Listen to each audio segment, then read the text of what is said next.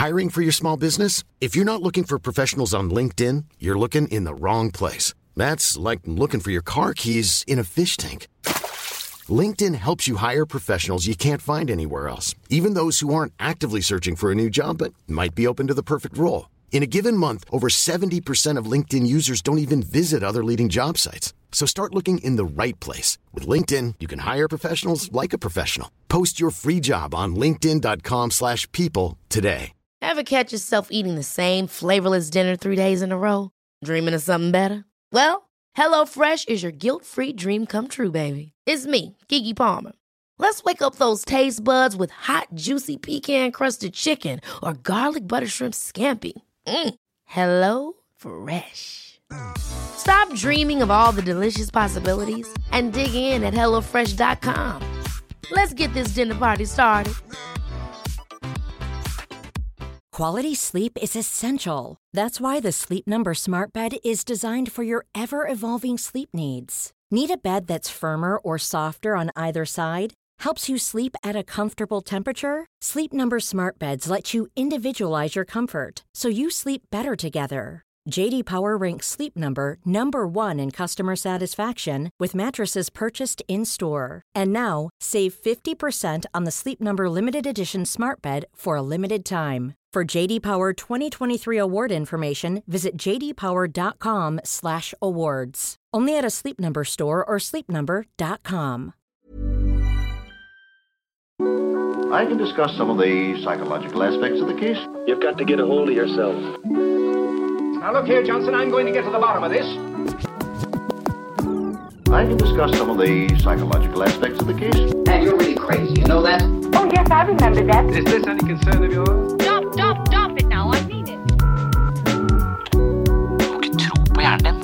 Den lyver. Vi er jo mennesker fulle av nevroser. Det som gjør oss til sjarmerende idioter. I discuss some of the I discuss some of the I discuss some of the psychological aspects of the case. We don't have very long. Hva ville skje hvis Starbucks-baristaen din spurte hvordan du hadde det, og du svarte ærlig? Tenk deg at du fortalte ham at du faktisk opplever en følelse av ulmende angst og dyp sorg preget av håpløshet. Neste gang du tar turen innom Starbucks, er sjansen stor for at nettopp denne baristaen smiler nervøst før han overlater deg som kunde til sin kollega. Realiteten er at selv om vi spør folk hvordan de har det, så er det mange som egentlig ikke vil vite svaret. Og vårt begrensa ordforråd for våre egne følelser gjør det vanskelig å beskrive dem utover fint, travelt eller bare ok. Dette er ikke en generell kritikk av mennesker. Jeg mener ikke at mennesker er egoistiske og overfladiske på et generelt nivå, men jeg tror snarere at mange mennesker mangler en form for emosjonell kompetanse som gjør denne typen samtaler om følelser vanskelig, og alt som er vanskelig, er litt anstrengende. Det er imidlertid slik at vanskelige følelser blir mindre vanskelige hvis vi klarer å gi dem et adekvat uttrykk. Hovedbudskapet i mye av psykologien rundt følelser er dermed som følger. Å tematisere sterke følelser med nøyaktighet og spesifisitet gjør dem mindre skumle eller overveldende. Følelser er kompliserte, og de befinner seg i en kontekst hvor de kan ha høy intensitet, være sterke, men likevel dunkle, overveldende, skremmende, uønska eller motiverende.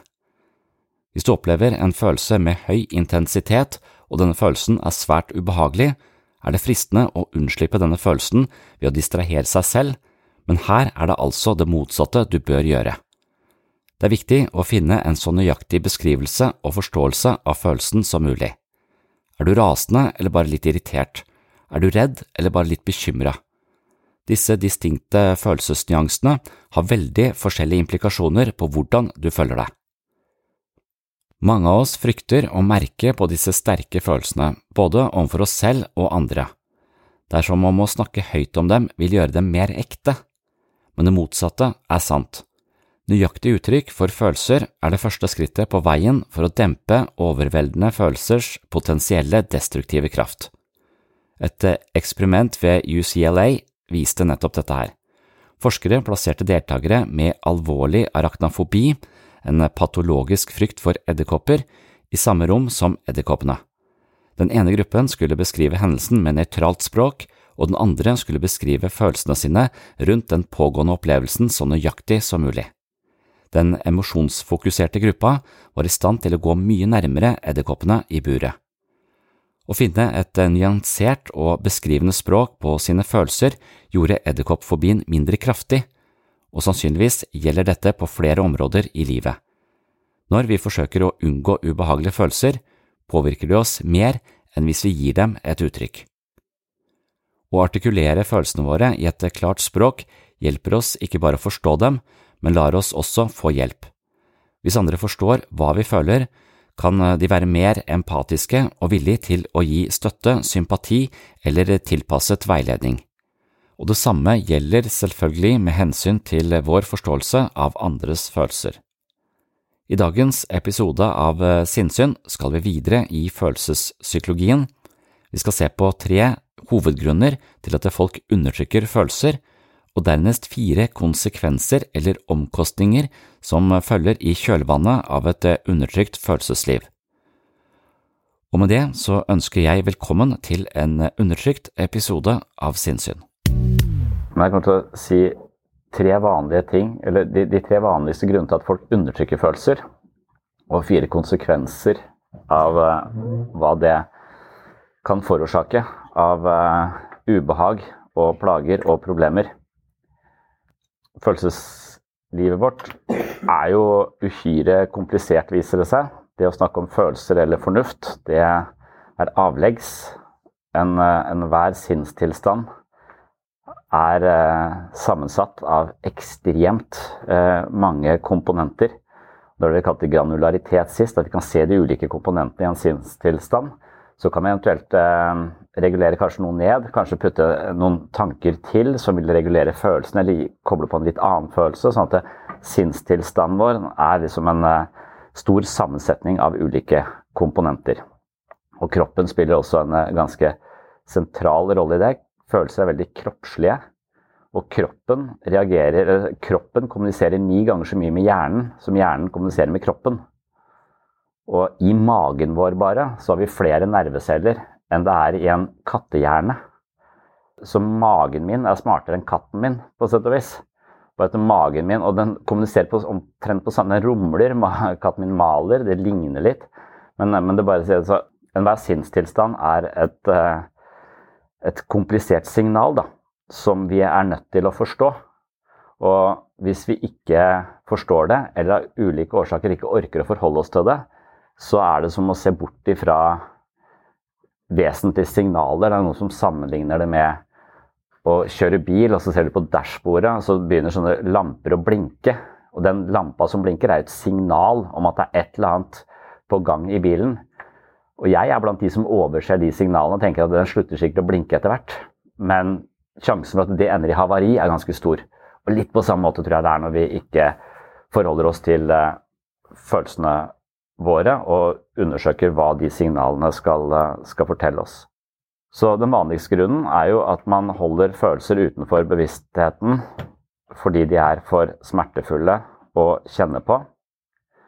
Normalt sett at vi har en slags terskel for hva vi orker å forholde oss til, og hvis følelsene overstiger det, så får vi hjelp av det psykiske forsvaret til å enten undertrykke de, eller late som det er noen andre som har den følelsen. Så hvis vi ikke anerkjenner vår egen irritasjon, så er det alle andre som går rundt og er irriterte, og ikke, ikke vi selv. Det er det projektive. Så noen følelser er for smertefulle til at vi orker å ta de inn i oppmerksomheten vår, og undertrykker de. Og så er det også uh, vanlig å, å, undertrykke følelser fordi at uh, oppmerksomheten vår er bundet opp i andre ting. Vi har rett og slett ikke tid til å forholde oss til signalet, fordi at uh, livet er så hektisk. Så det vil også være en, en, årsak til at vi ikke lytter til signalene. Og det er årsaken til at jeg ikke forholder meg til lampa som blinker. For da vet jeg at da må jeg sikkert opp i Sørlandsparken. Jeg må sikkert bestille en time. Det, der kan jeg, det får jeg håpe går over av seg sjøl. Skal sikkert på service på et eller annet tidspunkt. Og så, det er nok uh, der min skjødelsløse skjødesløse atferd overfor bilen min uh, dukker opp. For oppmerksomheten min er Jeg har ikke, har ikke tid til det. Og det tror jeg er litt eh, en problematikk hos oss eh, moderne mennesker. At det, ofte, som vi har snakket om før, så har vi kanskje noen mellomrom innimellom til å kjenne etter på hva, hva som skjedde i den situasjonen, hva det jeg følte der. Hva, nå føler jeg meg egentlig bare urolig. Hva er egentlig dybden i denne uroen? Hva som ligger bak dette? Og Det kan det hende at vi gjør f.eks. på busstoppet, fordi det er ti minutter til bussen kommer. Men det driver vi jo ikke med lenger, for da sjekker vi smarttelefonen isteden. Så som regel så, så, har vi ingen pauserom i livet vårt til å kanskje kjenne etter på disse tingene, eller at vi må forholde oss til andre, svare på mail eller Så, så det, det tror vi har mista disse små lommene, hvor vi kanskje kunne drevet en form for uh, emosjonelt vedlikehold, da, som jeg tror vi hadde vært tjent med på, på lengre sikt. Det andre er at man uh, bevisst gjør noe for å døyve følelser. Altså at man kjenner at følelsen er smertefull, man anerkjenner følelsen, men man orker ikke å ha den, så man ruser seg. Forsøker å trene den vekk, eller distrahere seg selv, eller da plukke opp mobiltelefonen og tenke på noe annet. Så alt det fører også til en slags underminering av de signalene som kommer fra kroppen. Og det tredje, som kanskje er det vanligste, det er at vi føler på noe, men vi sier det ikke til noen, for vi ønsker ikke at andre skal se følelsene våre. Så det er mer et bevisst valg vi tar. Vi kjenner på noe sterkt, men vi har ikke et ønske om at andre skal se det. Derfor så lar vi være å uttrykke den, eh, den følelsen. Og det kan jo være hensiktsmessig innimellom å undertrykke, eller ikke nødvendigvis undertrykke, men ikke si alt man, eh, man føler. Men eh, jeg tror vi gjør det i for stor grad, og jeg tror i for stor grad vi også ignorerer signaler som virker ubehagelige der og da, men som hadde vært mye bedre å ta hensyn til der og da, istedenfor å, å, for å løpe fra det. For jeg mener jo at det psykisk lidelse stort sett ikke handler om at vi har for mange negative følelser. Det handler om at vi ikke vil ha negative følelser og løper ifra dem. Så det er flukten fra følelsen som konstituerer den psykiske plagen som regel. Det er det at vi ikke har makter å bære og integrere den sinnstilstanden på en eh, forståelig måte for oss selv, som gjør oss fremmed for oss selv, som gjør at vi ikke helt uh, føler oss hjemme i egen kropp. At kroppen plutselig reagerer med hjertebank i situasjoner vi ikke aner hvorfor. Så når vi ikke anerkjenner følelsene våre, eller uh, ikke tar hensyn til signalene, så blir vi fremmede for oss selv. Vi vet ikke hvem vi selv er, for vi kan ikke bruke kompasset vårt på en eller annen måte. Og Da er det interessant at man, man sier at det å uttrykke følelsen, det er det vi trenger å gjøre. Og, det har jeg liksom prøvd å se hvorfor, hvorfor hjelper det meg å si hva jeg føler på innsiden til dere? Det ville bare være flaut. Men, og det er ikke sikkert det er den riktige situasjonen. Men så er det mye forskning som, som sier at det, jo, det er nettopp det å sette språk på den følelsen som hjelper oss å regulere den følelsen. Det hjelper oss også å fortelle andre hva vi trenger og hva vi har behov for. Men så viser det seg at følelsen avtar i styrke og blir lettere å forholde seg til når den får et uttrykk. Og dermed så kan vi tenke at jeg, jeg holder rett for meg selv, jeg vil helst ikke si det til noen. Det virker eh, på en måte flaut og, og sikkert belastende for, andre. Men uh, som regel så gir det andre en større forståelse for hvem vi er. Vi virker mer oppriktige, samtidig som vi våger livet på en mye mer si, oppriktig måte. For det studiet som jeg syns var mest interessant i denne sammenheng, det var med arachnofobi. Altså folk som er jævlig redd for edderkopper. Og Hvis du putter de inn i et rom fullt av akvarier eller hva det kalles med edderkopper, så vil de oppleve stor grad av ubehag. Og Det er folk som er skikkelig redd for edderkopper. Og Da sjekket de dette her med Den ene gruppa fikk ikke noe spesiell beskjed, skulle bare prøve å være i rommet og komme så nærme buret som mulig. Den andre gruppa den fikk beskjed om å komme så nærme buret, som, eller edderkoppakvariet, eller hva man kaller det, som mulig. Men, eh, men, de fikk beskjed om å uttrykke alt de følte, så tydelig som mulig. De fikk, de fikk beskjed om å uh, hele tiden monitorere for hva de følte, og gi et uttrykk for den følelsen. Og det ble et mye mer voldsomt scenario, men de kom seg mye nærmere edderkoppen. Så de som prøvde å være sømmelige og prøvde å regulere Nei, det er ikke noe farlig. De som prøvde å regulere følelsen og si at følelsen den, Nei, det er ikke noe å være redd for. Så de som prøvde å overbevise seg selv om at følelsen var feil, de kom ikke så nærme i gjennomsnitt den edderkoppen som de som fikk beskjed om å bare uttrykke den følelsen de hadde. Og Det tror jeg er litt kontraintuitivt for oss. for jeg tror at det, hvis vi, prøver, hvis vi tenker vi prøver å unngå følelsen eller eh, dysse følelsen litt ned, eller det er sikkert ikke noe å tenke på, så tror jeg vi tenker at det er den riktige strategien for å håndtere livet. Men så viser det seg kanskje at det er stikk motsatt. Det er å gi følelsen et uttrykk som gjør at vi tør livet og kommer nærmere livet og lever mer vitalt. Da. Uten så mye. For, eh, for det viser seg at den uttrykte frykten, den ble mindre. Derfor kom de nærmere buret. Mens den ikke-uttrykte frykten, den eh, hadde mye større gjennomslagskraft på disse folka, så de kom seg ikke nærme, nærme edderkoppen. Så det, vi trenger å uttrykke disse følelsene. Det emosjonsfokuserte, de kaller det fokusering. De legger mye vekt på at vi skal fokusere på våre tilstander i øyeblikket. Og de sier du skal legge merke til følelsen, men følelsen er ikke bare altså, den, det, blir, det, blir, nesten uhensiktsmessig å snakke om følelser og tanker. For som jeg sa, så er dette bare et konglomerat av ulike fasetter som til sammen utgjør den sinnsstemningen du har. Det å fokusere på de ulike elementene og gi det et uttrykk, det gjør at vi blir kjent med oss selv. Men pga. at mange følelser er ubehagelige, så vil vi prøve å overse dem. Og pga. at det blinker i dashbordet, så kommer det til å påvirke livet mitt på ting jeg ikke har tid til. Jeg må opp i Sørlandsparken, jeg har ikke, har ikke tid til det. Så vi ignorerer det, og på den måten så havarerer vi også. Bilen havarerer på måter jeg ikke forstår. Jeg selv havarerer på den måten at jeg får vanskeligheter med å sove. Det blir vanskelig å finne ro, for det er mye Den lampa står og blinker hele tiden. Og jeg vet ikke hvorfor. Og da er det vanskelig å finne hvile. Så konsekvensene da, av å undertrykke følelsene våre, enten fordi vi bare ikke vil vise de til andre, eller fordi de er så tunge og vanskelige at vi ikke orker å forholde oss til dem.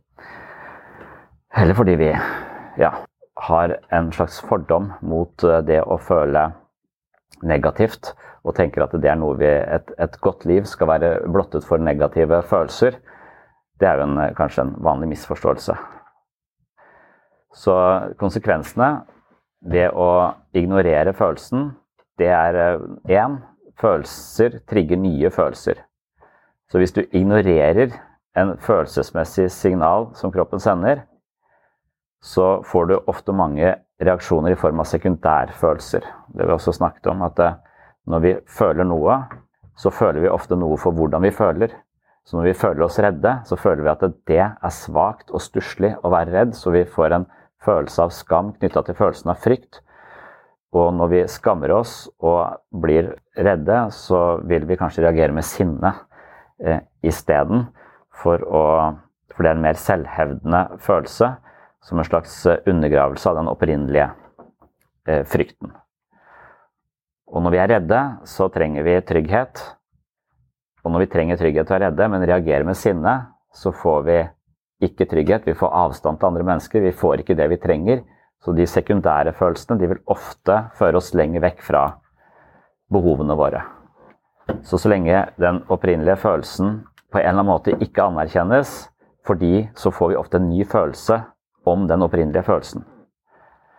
Og den kan, den kan hindre ganske mye altså Vanlige reaksjoner er at man blir sint og irritert, at man er engstelig, at man er urolig, at man kjenner seg tom, eller at man er i dårlig humør. Det er ofte det man kjenner på når en sekundærfølelse har lagt seg som et pledd over en eller annen primærfølelse som du av et eller annet eh, i ditt psykiske operativsystem ikke anerkjenner, ikke vil forholde deg til, unngår på en eller annen måte. Og det er i en kompleks sosial verden så kan det jo være hensiktsmessig av og til å ha disse sekundærfølelsene, fordi at det, det å hele tiden gi uttrykk for det som foregår på innsiden, det kan jo gjøre oss Det er jo sårbarhet. Det er jo også å vise hvem vi er. Og av og til så kan det å være sårbar ikke være det lureste du gjør i den situasjonen. For det fins noen som kan komme til å utnytte det, tråkke på deg på en eller annen måte. Så det er ikke alltid eh, hensiktsmessig. Så derfor så tror jeg vi har disse sekundærfølelsene som bremser primærfølelsen av en eller annen eh, sosial årsak. Da. Men da blir det ganske komplisert da, å vite når det er lurt å vise eller ikke vise følelser. Og når vi er usikre på det, og spesielt hvis vi har opplevd at følelsene våre ikke anerkjennes, eller blir latterliggjort, eller blir kjefta på, eller blir ignorert, så får vi selv som regel den samme stemmen i oss selv. Så når vi føler noe, så er det måten vi har blitt møtt på våre egne følelser, som blir den toneangivende måten vi møter våre egne følelser på. Så miljøet vårt flytter på en måte inn i huet vårt og blir vår egen dom over vårt eget følelsesliv i veldig mange sammenhenger. Og samtidig så kan vi ha opplevd det veldig utrygt å uttrykke følelser. Og da kan vi ha et slags filter av mistillit som gjør at vi tolker altfor mange mennesker inn i kategorien som folk som ikke må få vite hvordan jeg egentlig er. Og Da prøver vi å være noe annet enn det vi egentlig er. Og da skaper vi avstand til andre mennesker, og vi får aldri det vi trenger. Og vi går rundt og spiller disse sosiale spillene, som er tilsynelatende hyggelige og åpne, mens hvor ingen egentlig kjenner hverandre, for vi har ikke tilgang til den andre. Og I kjølvannet av det så er det interessant å si at følelser får deg til å handle uansett, sier de. Og det hadde ikke jeg helt um, tatt høyde for. For uh, en utfordring det er når du ikke anerkjenner eller ikke forstår egne følelser, så vil følelsene dine fortsatt påvirke deg ganske mye. Så hvis du ikke vet, eller ikke kjenner til, eller ikke forstår følelsen din, og mange av de som sier at jeg forholder meg ikke så mye til følelser, jeg forholder meg bare til det rasjonelle, jeg er mer øh, styrt av det rasjonelle, så er det likevel sånn at følelsene er der, og de påvirker deg, men du vet ikke hvordan de påvirker deg. Så du, du, kjenner ikke til den delen av ligningen. Og når du ikke kjenner til følelsen som påvirker deg, så påvirker den deg mer enn når du vet at den påvirker deg. Så de som anerkjenner at de har følelser som påvirker de avgjørelser, de som vet at de er eh, styrt av følelser i en eller annen eh, forstand, de kan ofte kjenne etter, forstå følelsen, gi følelsen et navn. Og idet du gir følelsen et navn, så ser du følelsen, og da kjenner du, til den påvirkningskraften i din egen motivasjon. Og du kan eventuelt styrke eller regulere den ned fordi du har sett det. De som påstår å ikke ha følelser, ikke forholde seg til følelser, de er fortsatt påvirket av følelser. Og siden de ikke ser dem, så er de påvirket i mye større grad, for de kan ikke regulere det på en måte. Så at De som da undertrykker følelsene, de kan ironisk nok da ende opp med å handle mer på følelser enn de er klar over. Og det ga meg litt sånn For da jeg møter mange mennesker og sier nei, jeg forholder meg ikke til følelser, jeg er en robot, jeg, bare, jeg vil ikke forholde meg til følelser. Og så opplever jeg at de tar rare valg. Som de begrunner på merkelige måter. Men de er så rasjonelle. Men likevel så har du en sånn fornemmelse av at ja, jeg er ikke i kontakt med følelsene. Så det gir mening til meg at de er mer følelsesstyrt enn de som faktisk kjenner etter på, på følelsene. Ja, jo, det, det, stemmer jo det. At man ikke, at man, opplevelsen er jo at jeg er ikke i kontakt med følelsene mine. Men det paradoksale er da at man er mer styrt av de, men man er da også mer blind i sitt eget liv. Da. Det er litt som å være blind, nesten. Fordi at, fordi at så lenge du vet hvilken følelse Her er det en følelse av sjalusi som trigger meg nå. Og idet jeg kjenner igjen det, så kan jeg regulere den litt ned. Og så kan jeg kanskje prøve å koble på noe mer raushet. Jeg kan prøve å regulere min egen motivasjon litt, fordi jeg forstår den. Hvis jeg nekter for å være sjalu, så er jeg likevel styrt av følelsen, og da blir jeg mer styrt av den. For det har jo ikke noe regulering, og dette her er jo det man kaller emosjonell intelligens, egentlig, og det er det vi trener på i nesten all form for terapi, er jo å finne ut og eie flere nyanser i sitt eget motivasjonsrepertoar, enten det er tanker eller, eller følelser. Som jeg sa, Det er det vi driver med kanskje i selvutvikling generelt. Derfor så følelser står så sentralt. For det første så må vi kjenne til de, og for å kjenne til de, så må vi tåle de.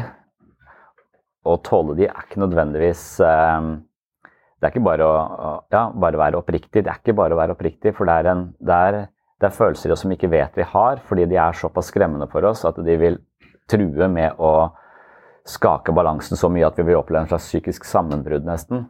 Nei, du får ikke sove på kvelden, men en annen ting som er mer sånn ja. For, for meg så er en tydeligere uh, følelse den frykten for f.eks. døden eller meningsløsheten. Og jeg kjører litt sikksakk rundt den i mitt eget liv. Men nå har jeg en datter som typ 13-14 får de eksistensielle grublingene på kvelden og sier det til meg. Og da er jo min umiddelbar respons Eller sånn min, Mitt ønske er Nei, la oss tenke på noe annet. Vi skal jo stå på ski, vi skal stå på, stå på snowboardet, vi skal på vinterferie. Det kan du glede deg til. Kan du ikke, kan du ikke prøve å tenke på noe annet?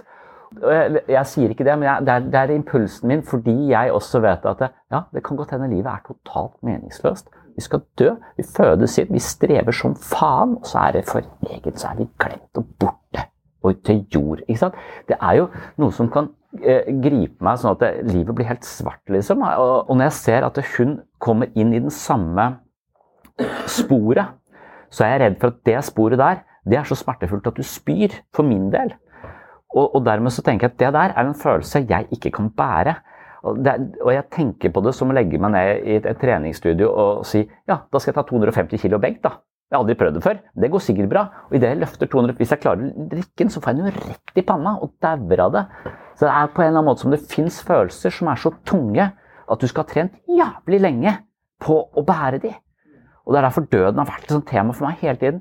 Nærme meg døden, lære å forholde meg til døden, disse tingene. Fordi at det, det krever så det, det ikke, Du løfter ikke 250 kg benk på en uke. Du må gjøre det. Du må sikkert trene. Jeg må sikkert trene et helt liv. Jeg tror kanskje aldri hadde kommet dit. Men sånn er det med noen følelser, at de er kjempetunge å bære. Og idet jeg signaliserer at den følelsen er sånn, den må vi, ikke, må vi ikke ha, så signaliserer jeg også at følelsen er farlig. Ha den vekk. Og hun blir redd for den følelsen, akkurat som jeg er redd for den følelsen. Og da får vi denne der, en følelse kan trigge nye følelser. Der har du jo angst for angsten. på en måte. Altså, hvis du er redd for noe, men ikke for, orker å forholde deg til den frykten, så begynner du å bli redd for å bli redd for det. Og da har du, lagt, da har du prøvd en primærfølelse som er frykt, og så har du lagt en sekundærfølelse av frykt oppå primærfølelsen av frykt. Og da har du smurt frykt utover hele forbanna livet ditt, så vi må prøve å liste oss rundt denne dødsangsten vår så langt det, det lar seg gjøre. Så jeg er bevisst det, og jeg vet det, så jeg, eneste jeg klarer å respondere med, er at du kan ligge her, og så kan jeg bare holde, øh, holde litt rundt deg til du, til du sovner. Jeg klarer ikke helt å ordsette, jeg klarer ikke å gå inn i det. for Jeg fristes til å si nei, nei, men når du dør, da kommer du til et fint sted å få møte oldemor. Altså, det har jeg lyst til å si. Og jeg har lyst til å tro på det. Jeg har prøvd å tro på det i fem år. Klarer faen ikke å tro på det. Så jeg føler jeg ljuger når jeg, sier det. Men det hadde vært dritdeilig hvis vi kunne slåss. Sier du det, ja? Ok. Så da blir det vafler og sånn. Ja, ja, ja det blir mormor sine vafler og saft og det. Men, eh, så, men det, det skjønner jeg også virker for meg som en slags unndragelse av den smerten. da. Men hvis du lærer deg å tåle de tunge følelsene, så slipper du å, manøvrere deg, liste deg rundt i livet for å unngå å få de. Og én ting er døden, men andre ting er bare sånne små ubehageligheter som jeg tror også vi forsømmer litt, eller bare ser litt vekk ifra. Eller, eller egentlig har fått en kulturell idé om at det, det å kjenne på noe negativt er en psykisk lidelse. Så hvis jeg kjenner på noe negativt, så er jeg psykisk syk. Nei. Du er et menneske som våger å føle. Gratulerer. Dette er sånn det er å være menneske. Det er helt jævlig. Til tider. Men jeg har møtt religiøse mennesker med dødsangst, og da tenker jeg da tror du ikke egentlig på, på det du, du misjonerer. Er man trenger liksom ikke forholde seg til om Gud eksisterer, for der mener jo folk helt forskjellig.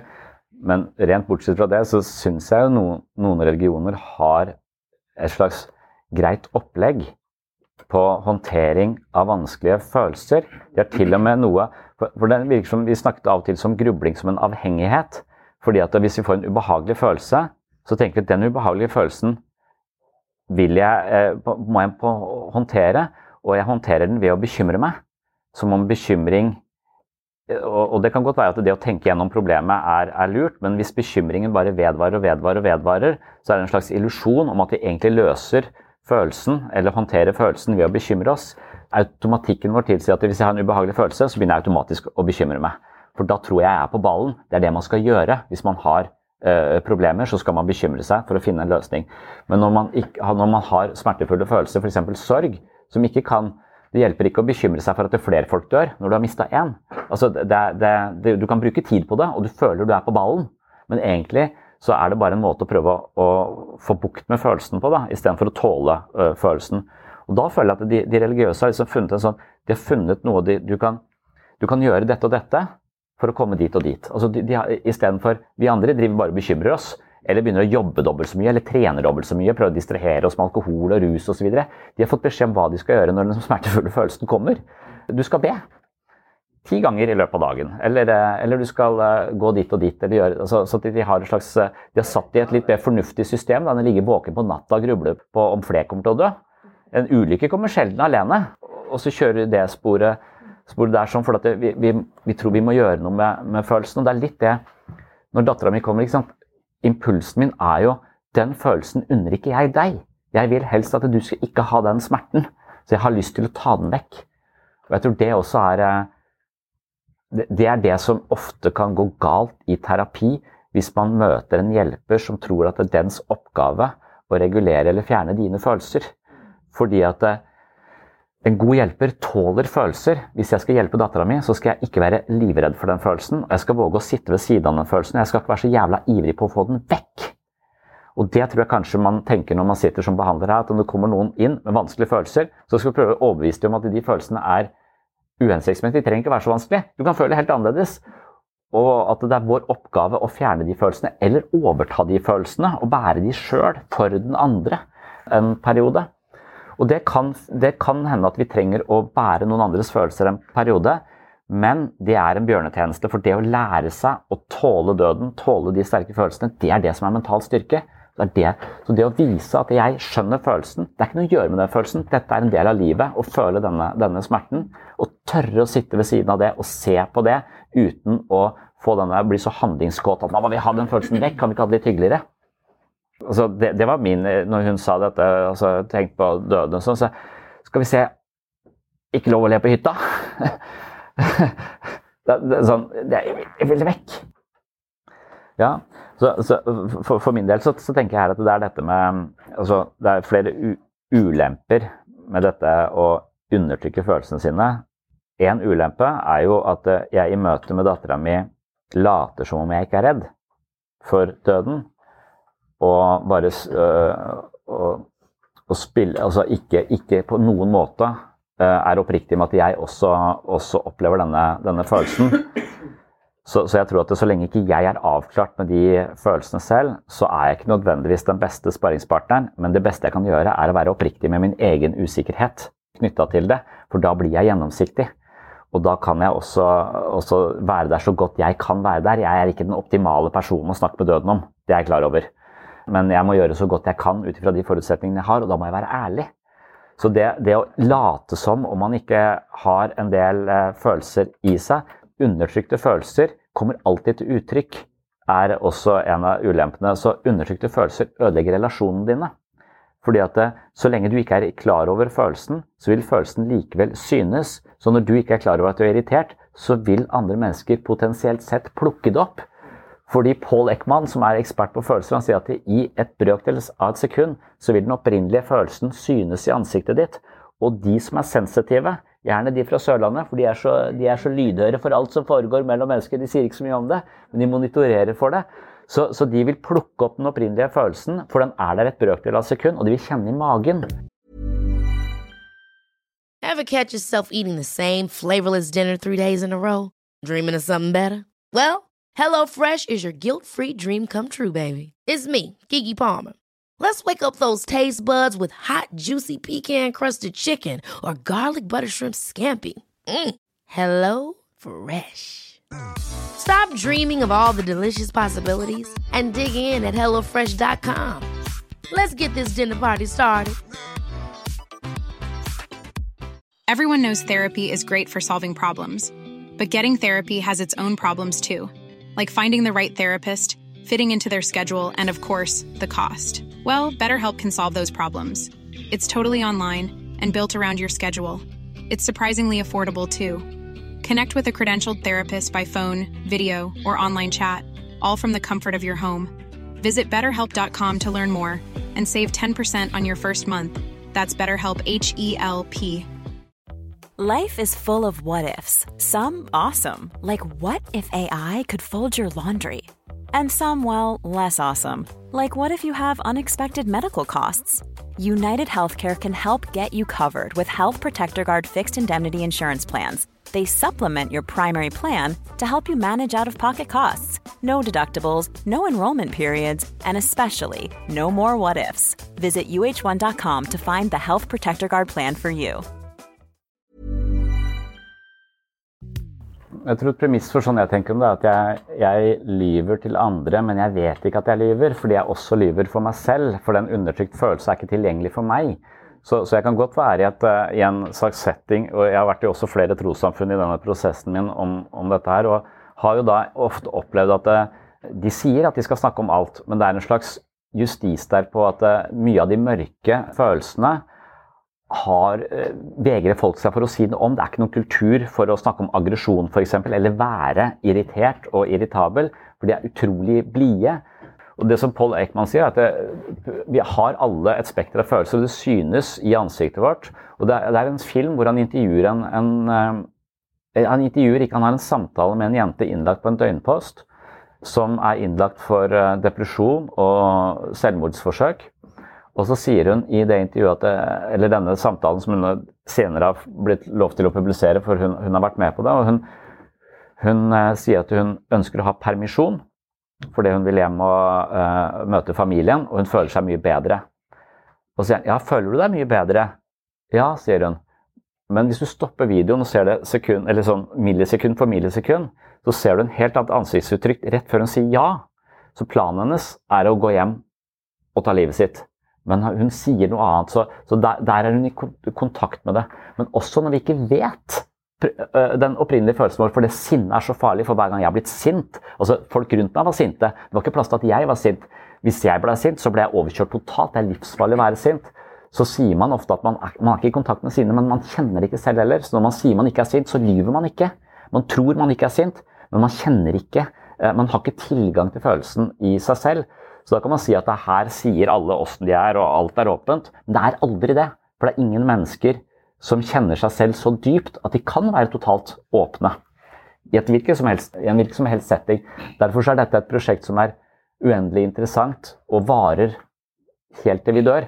Fordi jeg tror følelsene er såpass kompliserte, og det ligger så mange lag i de, at vi aldri eh, kommer til bunns. Kan, Det er derfor jeg sier at eh, alt du tenker og føler er feil. Det er bare fordi at jeg tenker at det du føler, skal du forstå, prøve å sette ord på, nyansere, forstå på nytt og på nytt og på nytt.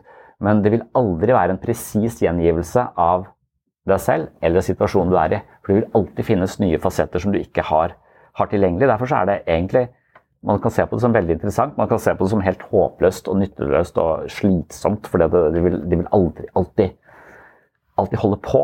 Vi må alltid, vi må vi kan aldri slutte å være fokuserte, som vi kaller det emosjonsfokusert terapi, da, eller, eller, eh, drive med en form for um, selvransakelse eller undersøkelse av sin egen motivasjon. For Hver gang vi tror vi har konkludert, jeg gjør det for det og det, så har vi noen prosent av, av svaret, men vi har ikke i nærheten av, av alt. Så problemet når vi ikke da hvis vi undertrykker følelser med vilje og sier noe annet, så merker barnet Og det er det som er poenget mitt med, med den dødsangstproblematikken som blir vanskelig for meg. For jeg, jeg, vet jeg er redd for det. Jeg vet at det nå, nå, er dette en svært utfordrende situasjon. Jeg har lyst til å late som om jeg ikke er redd for det. Men jeg er nødt til å si noe. Jeg trenger ikke å si hvor redd jeg er for det, men jeg er nødt til å eh, tilkjennegi den følelsen. Hvis ikke så tror jeg jeg dobbeltkommuniserer. Og det er litt det som jeg tror er denne pedagogikken vi har overfor barn, at vi ikke skal være sinte. Vi skal innestemme og skal være regulerte og sånn hele tiden. Og da tror jeg vi overregulerer oss selv til den, den grad at barn er jo fantastiske, men de er også jævlig irriterende eh, innimellom. Så når de er jævlig irriterende, så er det en følelse vi har. Og når vi prøver da febrilsk å unngå den følelsen og bare være hyggelige, ja, men sånn kan du ikke gjøre, lille venn. Og så, vi, så koker det på innsiden så, så, så, er vi, så, er det vi sier og det vi føler, ikke i samsvar. Og da tror jeg barnet blir sånn Hva faen er det for et merkelig vesen? Det smiler og koker. altså Her er det mye jeg ikke forstår. Og jeg tror det er det mente jo Bateman var eh, veien til schizofreni da, på 70-tallet. At eh, den dobbeltkommunikasjonen fra et annet menneske som, ikke, som sier noe, men føler noe annet det, det, Barnet forstår seg selv via den andre. Og hvis den, den andre driver og dobbeltkommuniserer, så blir barnet fryktelig forvirra på hvem er jeg? Og da får du ikke noe kjerne, og så blir du helt spalta, ifølge Bateman. Det, den teorien har de gått vekk ifra. Men jeg skjønner ideen om at så lenge jeg justerer meg ut ifra andres tilbakemeldinger, og jeg hele tiden sier noe, men det er ikke i pakt med følelsen min, så, så, så blir det forvirrende for andre å forholde seg til. Og jeg tror de fleste av oss eh, kjenner det på andre også, at det er folk som sier det vi, de tror vi vil høre, det merker vi i magen. Veldig ofte så griper ikke de historiene som mennesker forteller uten følelser oss i det hele tatt. Noen har fortalt en sørgelig historie om livet sitt til så mange terapeuter at de gjør det på autopilot mens de tenker på hva de skal til middag. Og da sitter terapeuten der sånn Ja, det var jo jævlig trist. Jeg lurer på hva jeg skal, jeg skal til middag også. Altså, for det blir bare en historie. Det blir ikke noe det, det, er ikke connection der. Og når ikke det er en emosjonell connection, så kan du ikke skape broa over til det andre, andre mennesker. Så det å holde disse følelsene på avstand, det, det, det hindrer oss i å få det vi trenger. Det, jeg, for det er poeng tre. altså Undertrykte følelser setter seg i kroppen. Det er også utrolig eh, Det er det jeg er mest interessert i, fordi jeg skulle ønske jeg kunne avlese min egen kropp i mye større grad. Og når jeg da leser at ja, kroppen kommuniserer ni ganger mer med hjernen enn hjernen gjør med kroppen Jeg trodde det var motsatt. Jeg trodde det var her oppe jeg styrte alt. Men, eh, men, jeg merker at jeg mister kontrollen innimellom. At jeg også får vondt i magen. Og at magen min er like smart som katten min. Som jeg opplever som ganske smart og utspekulert, faktisk. Så, så, så, så syns jeg det er eh, eh, veldig interessant. Så, så, når vi undertrykker følelser, så undertrykker vi de også i kroppen ofte. Når du føler noe, så er det ikke bare psykisk, det er også rent fysisk. Det, det skjer både noe med nervecellene, det skjer noe med musklene, det skjer noe med hormonene, og det skjer noe med alle de indre organene. Og siden da følelser er så fysiske, så vil vi også drive og regulere de i kroppen. Så når du f.eks. da er stressa, eller Vi har jo veldig masse sånne språk på følelser. sånn der, eh, Klo i brystet. ikke sant? Vi har mange sånne metaforer som sikter til kroppslige følelser. Og jeg tror hver gang du undertrykker en følelse psykologisk sett, så undertrykker du den også fysisk sett. og Det betyr at du må holde litt mer anspent i nakkeregionen for å være for å kontre den frykten du på en måte tenker Det er jo ikke noe å være redd for i denne situasjonen. Her er jo alle hyggelige. Men vi er likevel litt redd for en så stor sosial situasjon, så vi spenner oss lite grann. Og alle de tingene som kroppen gjør for å holde følelsene i sjakk, det fører til stiv nakke, det fører til stiv magemuskulatur, det fører til vondt i ryggen, og det fører til betennelser i kroppen, og det fører til diaré. Ulike typer problematikk i irritabel tarmsyndrom. Og spesielt dette, hvis du går rundt og undertrykker følelsene over så lang tid, så vil, vil denne anspentheten den vil føre til en sånn type slitasje, og den vil føre til at disse stresshormonene eh, jager rundt i kroppen din så mye at det fører til inflammasjon og betennelse. Så du får rett og slett en, en fryktelig dårlig fysisk helse. Og det er jo der eh, kropp og syke eh, virkelig viser at det, det, er ikke en forskjell, vi er ett, eh, på en måte.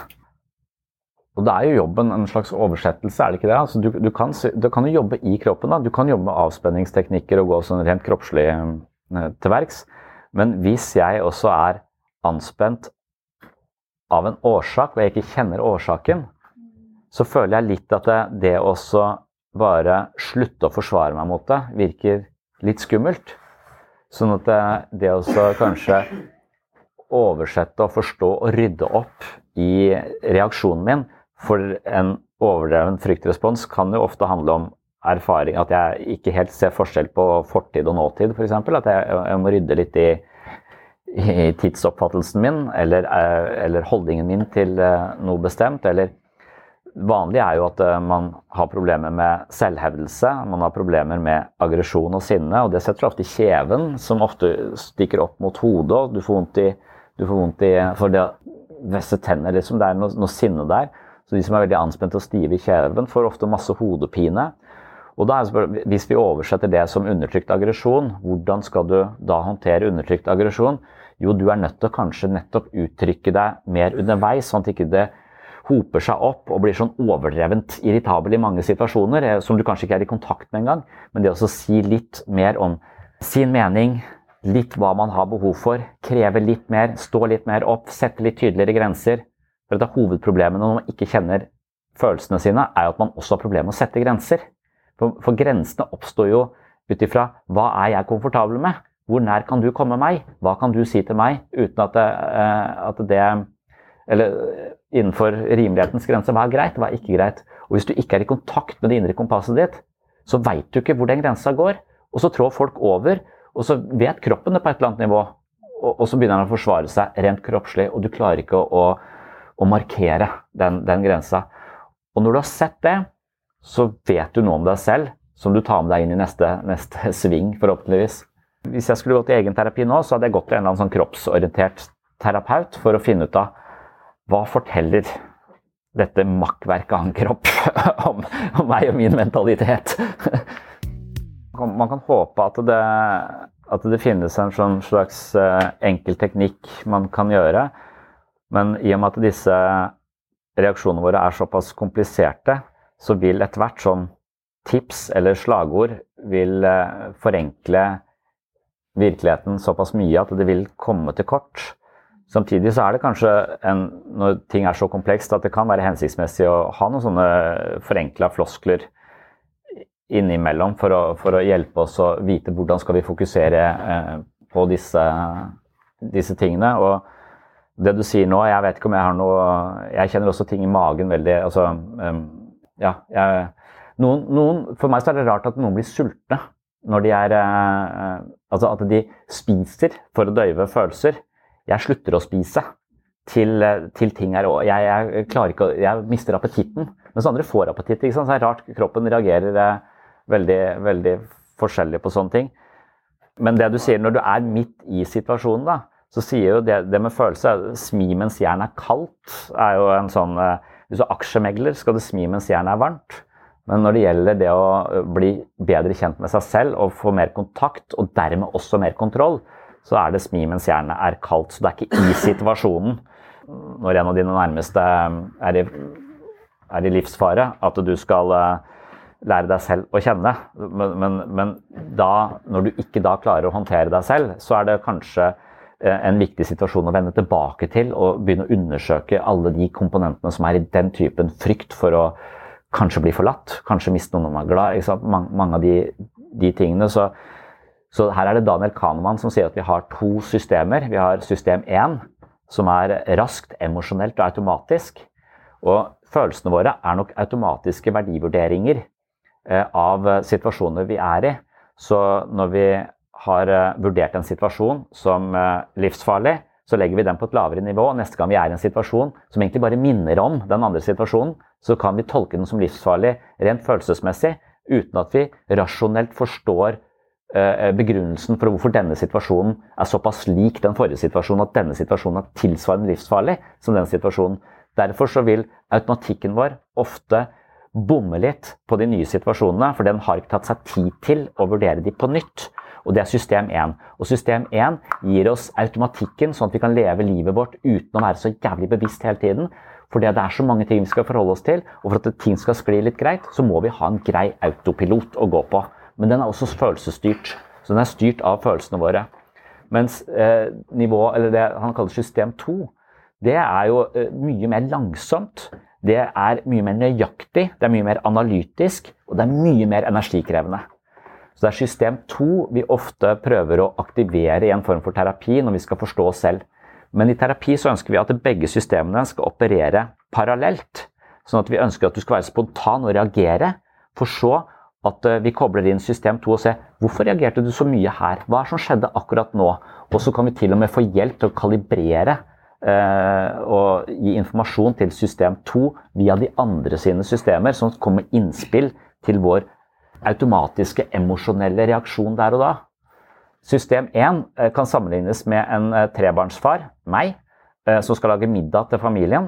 Maten skal på bordet før klokka halv fem, for vi skal på fotballtrening og rekke det. Her er det ikke tid til feinschmeckeri. Her, her skal ting gå raskt og på autopilot. Og, og, vi har ikke tid til noe som helst annet. Det er system 1 som lager den middagen der. sånn. System 2 det er Hellstrøm som tilbereder maten med pinsett. Eh, og veier ting. Og sånn. det er en helt annen type middag du, du får der, der sånn. Og når, når, det går over stokk og stein, og den automatiske middagen er junkfood hver dag, så går det utover helsa vår. Så er jeg nødt til å koble på system til eller finne ut av hvordan kan jeg håndtere denne automatikken som skjer i dette tidsrommet annerledes. Så jeg tror emosjonell intelligens også handler om å vite når skal jeg koble på system 2. Og da må du også være kjent med deg selv, for dette er akkurat i de situasjonene hvor du bare reagerer bare føler noe ubehag, så er automatikken vår ofte å komme oss vekk fra det. Eh, og, det, som jeg sa, flukten fra ubehaget er det som gjør ubehaget Det som kronifiserer ubehaget. Det er eh, det å dømme den sekundærfølelsen som ansporer oss til å bare late som om vi ikke er sårbare, redde, usikre, skamfulle. Og bare få noe annet. Automatikken vår er bare å få det vekk. Det er akkurat der. Du må vite at oi, nå er det tid for system to. Her må jeg puste litt før jeg sier noe. Her må jeg kjenne litt mer etter hva som foregår. Så det å klare å sjonglere og bruke systemene til det de er gode på For alltid må vi bare være kjappe og, og i det. Og det er deilig når vi har en god autopilot som bare funker i sosiale settinger f.eks. Bare, bare flyter. Du er i flow. Men når det ikke flyter, så, så, må vi koble på en, eh, på en ny og drive og sjonglere de to. Og så kan jo system 2 også, som er tilsynelatende analytisk, kan være full av fordømmende holdninger til hvordan man skal og ikke skal være. Og det er der jeg mener du, skal, du er hjernevaska. Vi er hjernevaska av en kultur som sier hvordan barn skal oppdras, hvordan det skal være, hvordan det skal være. Og mange av de standardene er såpass de er arbitrære, de er helt tilfeldige, men de er også ofte så høye at vi ikke kan klare å leve opp til det. Så det vil kun generere uh, mer skam. Og, så noen ganger så tror jeg når vi tror at vi analyserer oss selv, så driver vi egentlig bare og fordømmer vår primærfølelse nok en gang. Altså, jeg, jeg, vet ikke om jeg kan, koble, jeg kan kjenne på noe og så koble vekk tankene. Jeg tror du kobler vekk tankene hvis tankene dine er et fordomsfullt rasshøl. For det er jo det som ofte tankene er. da. At hvis, hvis, hvis, du har tanker på laget som bare sier ja, det der er helt teit, det er helt uhensiktsmessig, det der er, ja, du er dust. Altså, hvis det er tanken, om, men hvis du har en åpen, undersøkende tanke som ikke dømmer Vi har snakket om her å være en slags forsker. For en forsker som har en klar forestilling om hva som er resultatet av studien de skal prøve å finne ut av. De er så, de er så motiverte i det de holder på med, at de finner det de søker. Og det er ikke god forskning. Forskning skal være så objektiv som mulig, så åpen og undersøkende som mulig. Så jeg tror Hvis du klarer å koble inn den åpne, undersøkende holdningen til din egen følelse, ikke den derre 'nei, det er ingen som føler sånn som meg', alle andre følger jo dette, alle andre er så blide, alle liker dette, ingen er så altså, Den typen tanker de er nok ikke så hensiktsmessige. Og hvis du er full av de, så tror jeg kanskje det er lurt å koble vekk tanken når du kjenner etter på, på følelsen. Men jeg tror det er ganske vanskelig å koble ut tanken òg. Sånn. Ja, for det var det jeg snakket om i stad, at uh, ute av syne er ikke ute av sinn. Så selv om du ikke ser følelsen, så er den som regel fortsatt der. Og dermed så, så, vil undertrykkelse være et fåfengt eh, prosjekt. Det vil fungere midlertidig. Men det gjør også narkotika. Det gir deg også en lettelse i øyeblikket. Og det er også en måte å unngå følelser på. Så, så og den floskelen som hjelper meg i den forbindelse, eller hva skal jeg si, det klisjeen eller ordtaket eller noe sånt, som uansett blir en forenkling, men, men det er dette med at den beste veien ut er gjennom. Og det, det, gir meg litt sånn Det har i hvert fall sett meg på sporet av hvordan jeg skal forholde meg til mitt eget følelsesliv. At det, impulsen er ofte å unngå, unngå, det, men hvis jeg kan isteden møte det og prøve å, å, kjenne på det, så er det, så er det eh, mer modig av meg, og det er mer lærerikt, men det er litt mer krevende. Eh, der og da. De, de, de, møtte følelsen, og de håndterte følelsen med også språk, og, og, de, og, de, så de følelsene. De andre prøvde å unngå følelsene, for det følelsene føltes som de hemmet i, i situasjonen. da. Så vi tror at det følelser eh, og, og, følelser kan hemme oss hvis de overvelder oss, hvis de oversvømmer oss. Men, men den, beste, den, beste, veien ut er gjennom. Det det var en som skrev om det som sånn at det, han skulle hjem på ettermiddagen, og så, og så, var det kaldt. Og så plutselig så begynte det å regne noe voldsomt. Og så tenker han jeg søker ly under dette treet her til, det, eh, til regnet demper seg litt. Og så ble han stående der. og så Tida gikk, og det, og det slutta ikke å regne. og Etter hvert så tok det bladverket ikke imot dråpene lenger, så det begynte å dryppe ned på han. Han ble bare våtere og våtere, kaldere og kaldere, og ubehaget bare økte og økte. Og han mente at det, til, til slutt så skjønte han at det eneste veien ut er gjennom. Så han måtte ut i regnet for å komme seg hjem og tørke seg. Og, og, og, det er en sånt bilde som jeg av og til tenker litt på når jeg altså Ofte så tror jeg jeg søker ly fra ubehagelige følelser. Men det er bare å utsette smerten. For, for, på et eller annet tidspunkt så må jeg gjennom det for å komme, komme ut av det. Men jeg tror vi kan på sett og vis balansere vi, vi kan prøve å kjøre slalåm gjennom eh, livets ubehag så langt det lar seg gjøre. Men jeg, jeg, tror det bildet som jeg tror var Robert Bligh som hadde i, i, en bok som heter Iron John, om at alle mennesker har et tjern inni seg. Og hav er ofte et bilde på de følelsene som bor i oss. Og havet er vi alltid litt redd for, for vi vet ikke hva som bor i dypet. Jeg liker ikke å svømme på jævlig dypt vann. For jeg tenker, hva faen er det? Jeg har sett mye YouTube-videoer om hva som er Og så har jeg sett sånne blekkspruter på størrelse med et lastebil, liksom. Og jeg er ikke keen på Så, så du har en slags frykt for det. På samme måte så har du ofte en slags frykt for de mørke kreftene som bor i ditt eget sinn. Og hvis du da prøver å unngå å bade for alltid, så kan du liksom bare liste deg rundt dette, dette eh, tjernet som du har inni deg, prøve å unngå de ubehagelige følelsene. Men på et eller annet tidspunkt så vil du komme sånn litt for nærme havet, da, og da kommer det en hann opp fra havet og trekker deg ned i dypet, og da kan du ikke svømme. Det er på en måte bildet. Så, så eventyret om jernhans som mister ballen sin, gullballen sin, nedi tjernet, er en, en, slags fortelling om hvordan han er nødt til å stupe uti vannet selv om han er redd for vann. og Det er masse sånn hårete, ekle greier som beskrives i den fortellingen, hvor han må ned i det tjernet for å hente gullballen sin og komme opp på andre, andre sida. Så vi må med viten og vilje da, møte ubehaget vårt istedenfor å søke ly. Så da tenker jeg ofte på den, det beste veien eh, ut er gjennom, men ikke gjennom noe som er så overveldende at jeg, ikke, at jeg mister kontrollen. For det tror jeg skader meg. Så hvis jeg ikke klarer Hvis, hvis dattera mi sin dødsangst blir sånn at jeg drukner, og, og det blir Eller psykologisk sett drukner, ikke håndterer det i det hele tatt, så tenker jeg at Oi, nå må jeg preparere mer før jeg går inn i denne situasjonen. Jeg må være mer påkobla, mer bevisst hva som foregår. System 2 må, må vite hva jeg driver med i den, i den situasjonen. Ja, jeg lurer på det samme selv. For, for hva er, hva er ja, man, man, må ikke være likegyldig til det, i hvert fall. Så, så spørsmålet er om man, om man bare unngår ting. Det er en tendens i oss å unngå ting. En annen ting er å bare stå i det, men bite tenna sammen, men ikke være påkobla det som foregår, men bare holde ut og lukke øynene på en måte til det går over.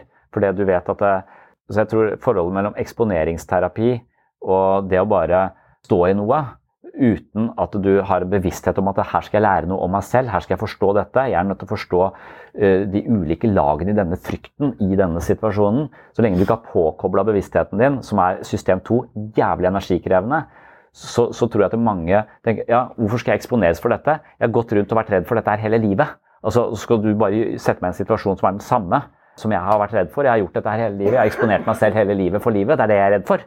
På en måte. Så, så, så er det noe med Det er et eller annet med at vi kan koble på en, en annen interesse for det som foregår.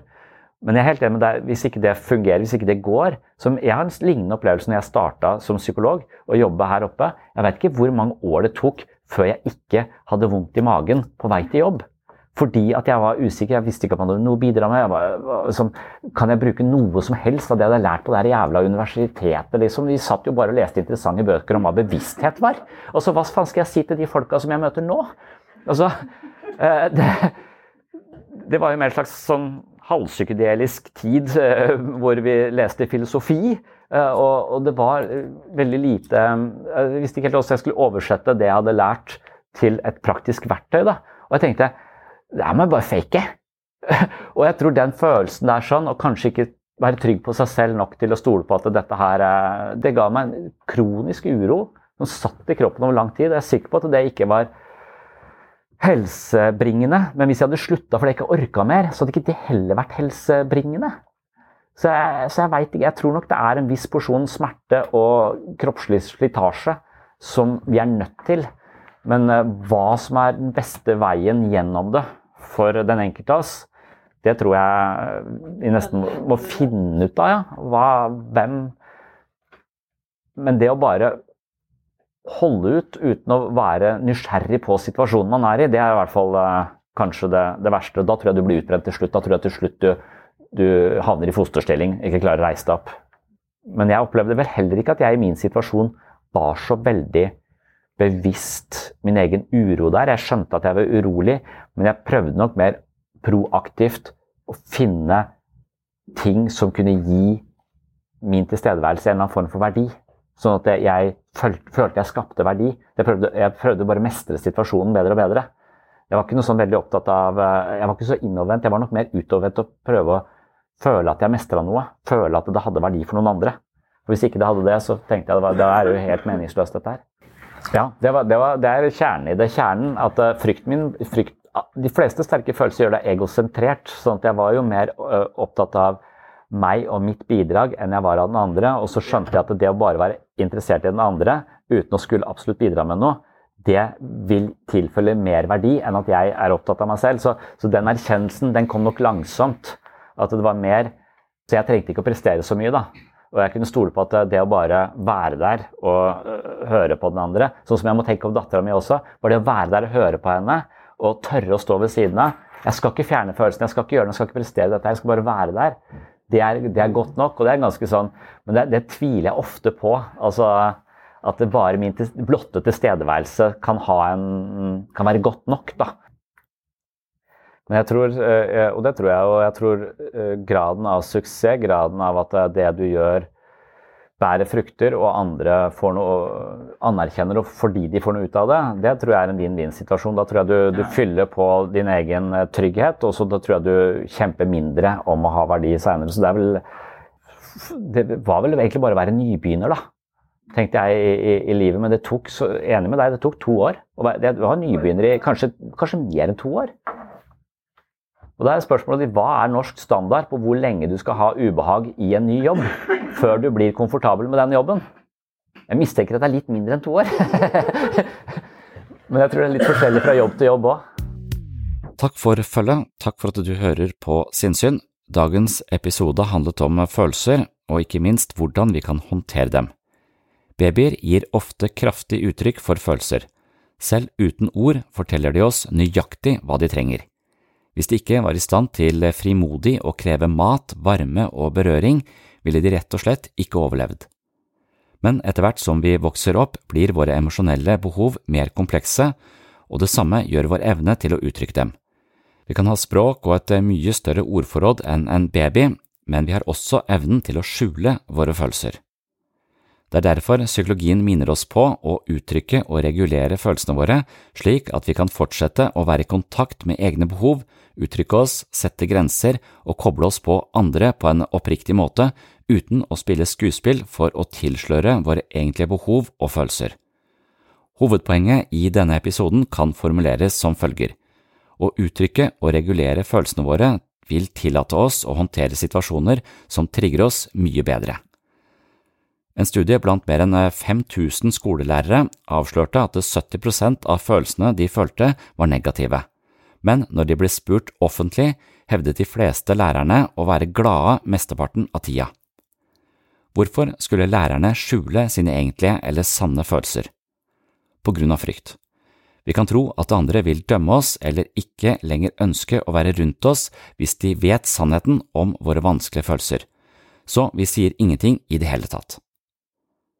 Ofte så har vi det også sånn at vi dømmer oss selv for å ha negative følelser, og da er denne dommeren rett og slett internalisert i vårt eget psykiske operativsystem, og hver gang det dukker opp en eh, følelse som eh, på sett og vis er eh, underkjent eller ikke anerkjent eller ansett som sosialt uakseptabelt, så kommer den indre dommeren inn og kveler følelsen og forteller oss at vi ikke er et uh, ordentlig menneske når vi føler på denne måten, og da føler vi mye for den opprinnelige følelsen, og sånn legger følelser seg i lag og blir et slags uh, konglomerat eller kaskade av følelsesuttrykk hvor våre primære følelser og våre primære behov druknes av andre fordomsfulle innspill, enten da fra andre mennesker eller fra oss sjøl. Men som jeg har forsøkt å argumentere for gjennom denne episoden, vil undertrykkelse av egne følelser både forsterke og tilsløre dem på en måte som gjør at de blir vanskelig å orientere seg etter vårt emosjonelle kompass, og sjansen for å gå seg psykologisk vill i livet er overhengende. Av denne grunn er eh, presise og nyanserte følelsesuttrykk en avgjørende ferdighet å uttrykke en følelse er annerledes enn å utagere eller dumpe følelsen vår på folk rundt oss fordi vi er i dårlig humør. Det handler om å våge sårbarheten som skal til for å slippe andre mennesker inn, slik at de kan støtte, kjenne seg igjen og kanskje våge å dele egne følelser og erfaringer på en tilsvarende oppriktig måte. Vi har alle forskjellige triggere som får oss til å føle sterke følelser. Å kunne forutse disse gjør at vi kan regulere følelsene våre bedre. For eksempel, når vi har identifisert en følelse, som å oppleve seg annerledes og utenfor på fest, kan vi lage strategier for å håndtere den følelsen når den dukker opp igjen. Å regulere følelser handler ikke om å undertrykke dem, det handler snarere om å akseptere dem fullt ut og lære å leve med dem på en produktiv måte. Det var en kort oppsummering av dagens tematikk. Vil du ha mer sinnssyn hver måned og trene mentale muskler ved hjelp av psykologiske vekter, så håper jeg at du besøker mitt mentale treningsstudio på patron.com for segs sinnssyn, eller via Sinnssyn-appen, som kan lastes ned fra AppStore eller Google Play. Søk på Sinnssyn, last ned appen og få et mentalt treningsstudio rett i lomma. Takk for nå, og velkommen tilbake i neste episode. Oh, I'm just losing my mind, that's all.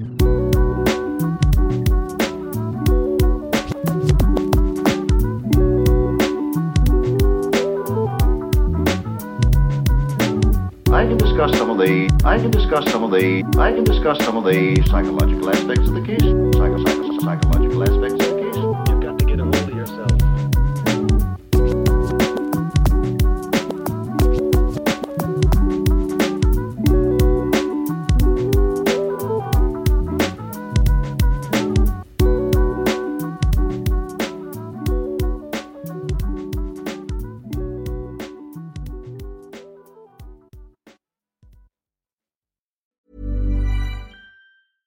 Selling a little or a lot? Shopify helps you do your thing however you cha-ching. Shopify is the global commerce platform that helps you sell at every stage of your business. From the launch your online shop stage to the first real life store stage, all the way to the did we just hit a million orders stage. Shopify is there to help you grow. Shopify helps you turn browsers into buyers with the internet's best converting checkout. 36% better on average compared to other leading commerce platforms because businesses that grow grow with Shopify. Get a $1 per month trial period at shopify.com/work. shopify.com/work. Hey, it's Paige DeSorbo from Giggly Squad. High quality fashion without the price tag. Say hello to Quince. I'm snagging high-end essentials like cozy cashmere sweaters, sleek leather jackets, fine jewelry, and so much more. With Quince being 50 to 80% less than similar brands. And they partner with factories that prioritize safe, ethical, and responsible manufacturing. I love that. Luxury quality within reach. Go to quince.com slash style to get free shipping and 365-day returns on your next order. quince.com slash style. Imagine the softest sheets you've ever felt. Now imagine them getting even softer over time. That's what you'll feel with Bowl and Branch's organic cotton sheets. In a recent customer survey, 96% replied that Bowl and Branch sheets get softer with every wash. Start getting your best night's sleep in these sheets that get softer and softer for years to come. Try their sheets with a 30-night guarantee. Plus, get 15% off your first order at bowlandbranch.com. Code BUTTERY. Exclusions apply. See site for details.